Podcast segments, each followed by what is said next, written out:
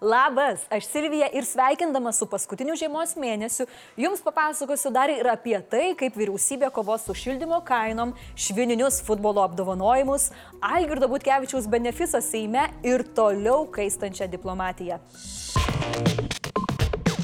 Šildymo kainų bombos sprogdina lietuvių piniginės.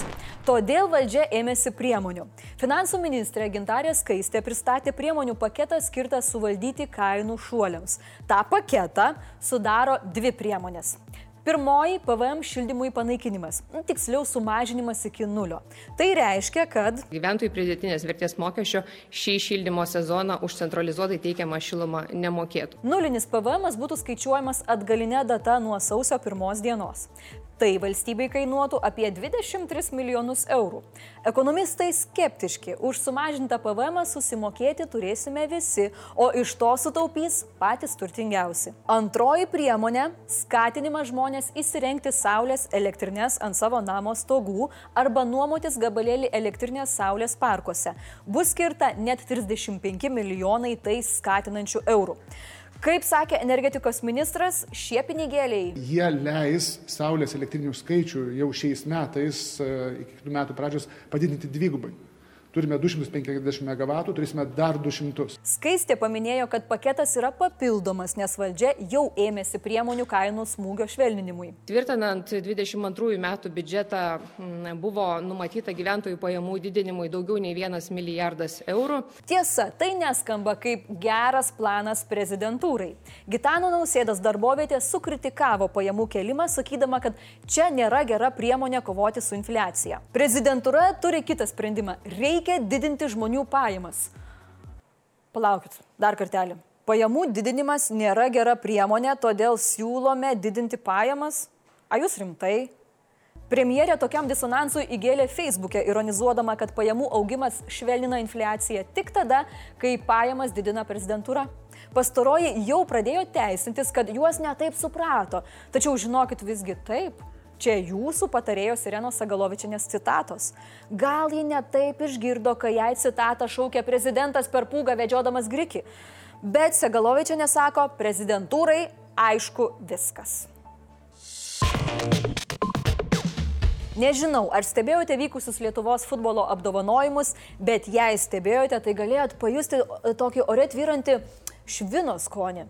Jį tikrai pajutė švietimo mokslo ir sporto ministrė Jurgita Šiukždinienė. Po įvykusios ceremonijos, kurios metu teistumų nebeskaičiuojantis vyras vardu Arūnas Pukelis. Kiek kartų esate teistas? Nu, aš tokių dalykų neskaičiuoju, žinot. Ne tik šildė kėdė publikoje, bet ir pats įteikė apdovanojimą, ministrė išplatino viešą laišką.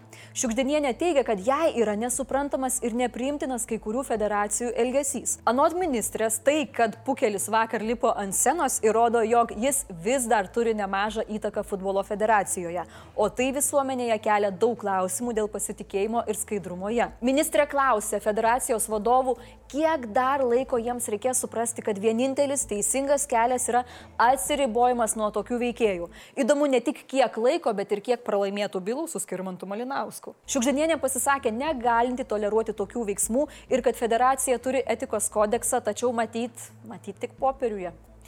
Tokiu federacijos sprendimu pasipiktino ir kitas ministras. Nu nepatikėsit, kas toks krašto apsaugos. Vakar vakare Arvidas Anušauskas Facebook'e sakė, kad įjungęs apdovanojimus ir pamatęs ten švinių, iškart juos išjungė. Ta prasme, televizorių, ne pati, ne pati švinių. Jei gyvai būtų susitikę, tai nu, kažkaip maždaug taip vyktų pokalbis. Bitch. Fuck off, bitch. Nu, kas? Pasižiūrėk, varna. Varna, varna. Ministras pridėjo, kad žiūrėdamas nejautė nei skonio, nei kvapo ir jam tikrai ne COVID. -as. Šiaip plintant omikronui, nu ponio Nušauskai, aš tai vis tiek pasitikrinčiau, kaip ten su tuo virusu yra. Pukelis, kaip ir per apdovanojimų ceremoniją, neliko stebėtojų ir atsakė į komentarus. Jo teigimu ministrai pamiršo apie nekaltumo prezumciją ir peržengė ribas. Tauragiškis sakė, neleisantis šiukšdinieniai žeminti savo šeimos. Atsargiai, ponė ministrė, nes visi atsimenam, kas būna, kai paliečiame Arūno šeima. Mhm. Skirmanto Malinausko įrašų herojus teigia, kad akivaizdu, jog politikai prarado visas vertybės, o jų sąžinė atrofavusi. Ar tikrai šitam žmogui reikia komentuoti apie vertybės ir sąžinę? Hmm. Apie pono Pukelio istorijas, teistumus ir galimą sąsąją su nusikalstamu pasauliu, nu tikrai nepasakosiu, nes tai daryti sekasi geriau skirmantui, tačiau tikrai pakviesiu jūs pažiūrėti, jeigu dar nematėt, sąžiningo verslininko ir Andriaus Tapino pokalbį. Va čia. Seimo narys Algirdas Butkevičius surengė spaudos konferenciją, kurios metu iššovė gana sensacingą žinę. Buvęs premjeras pareiškė, kad sutarties su Belaruskali nutraukimas gali būti neteisėtas. Kitaip tariant, Algirdas pučia kalio trašų žaries, nes nori pasišildyti skandalo ugnies liežuviuose. Gerai čia pasakė mane. Butkevičius sako, kad galimai buvo pažeistos net dvi tarptautinės konvencijos - Tarptautinio krovinių vežimo geležinkeliai susitarimas ir Junktinių tautų jūrų teisės konvencija. Iš kur ši informacija? Iš neįvardintų teisininkų. Kas jie, Butkevičius nesako. Labai tikiuosi, kad čia ne Šviniaus advokatų komanda, nes jie jau prapylė vieną teismą skirmantui. Butkevičius pateikė savo skaičiavimus, kiek Lietuva neteks pinigų. Lietuvos geležinkeliai per metus praras net 100 milijonų eurų. Nekas laukia ir Klaipėdos uosto, kuris nebesurinks laivų rinkliavų už 20 milijonų eurų. Aišku, po to, kai Minskas išstojo su žinia, kad nebeįsileis jokių mūsų traukinių, gali būti, kad nuostoliai bus dar didesni. Baltarusiai gazdina, kad priemonės bus griežtos ir simetriškos. Kitaip tariant, jie darys tai, ką darysime mes. Hmm, tai jei taip, tai gal tada surenks pirmus demokratiškus rinkimus? Mhm. Kodėl čia Butkevičius staiga iššoko su tokia žinia ant bėgių, kai traukinys nu jau nuvažiuoja? Panašu, kad jam gaila įdėto darbo. Kaip pats sakė, daugybė vyriausybių dirbo, kad gudų prekės pas mus keliautų, o šita vyriausybė lengva ranka viską nubraukė. Aš galiu tik tiek pasakyti. Algirdai, jeigu myli, paleisk. Paleisk. Nors karinis konfliktas dar neįsiplėskė, diplomatinis jau vyksta. Vienas jų skubiame Junktinių tautų saugumo tarybos posėdėje. JAV ambasadorė Lina Thomas Greenfield Rusijos karinės technikos ir pajėgumų perdislokavimą pavadino didžiausią mobilizaciją, kurią Europa matė per pastaruosius dešimtmečius.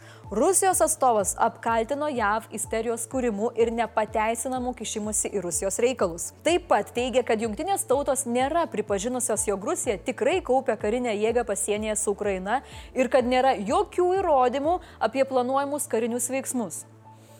Mm, kariniai veiksmai prieš Ukrainą iš Rusijos pusės atliekami nuo 2014 metų. Tai čia šiaip toks priminimas, tarp kitko. JAV taipogi apkaltino Rusiją siekiant padidinti savo karių skaičių Baltarusijoje iki 30 tūkstančių, kas yra daugiau nei Baltarusijos kariuomenė arba mūsų kariuomenė taikos metu. Už jungtinių tautų ribų JAV ir Rusija toliau siunčia vieni kitiems atsakymus. Taigi jau visiems sakė Gitanas Nausėda, ne laiškai sprendžiamos problemos. Tačiau mūsų prezidentas nebuvo išgirstas ir JAV pranešė gavusi raštišką Rusijos atsakymą į jų pasiūlymus deeskaluoti krizę.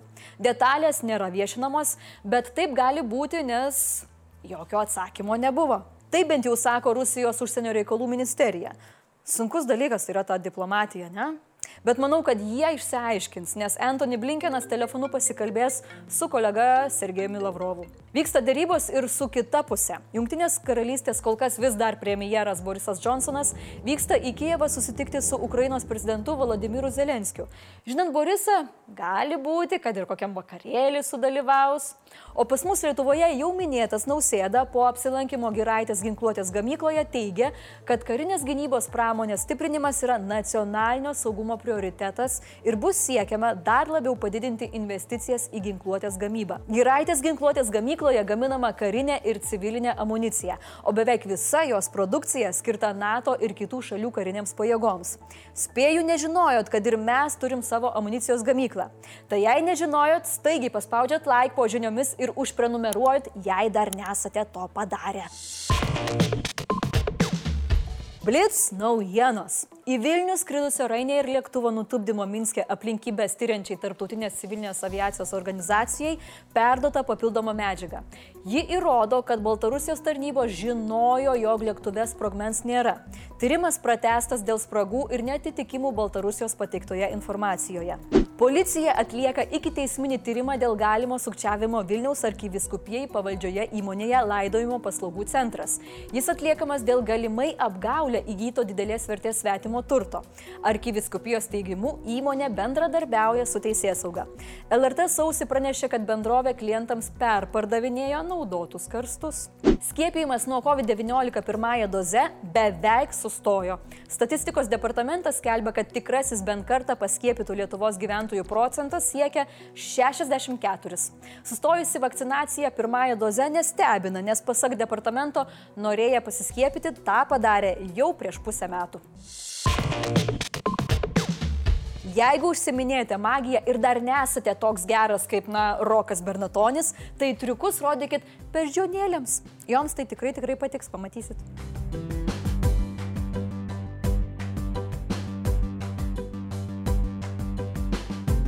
Rytoj su jumis sveikinsis mano kolega Timūras, o aš jums linkiu geros kloties ir tiek žinių.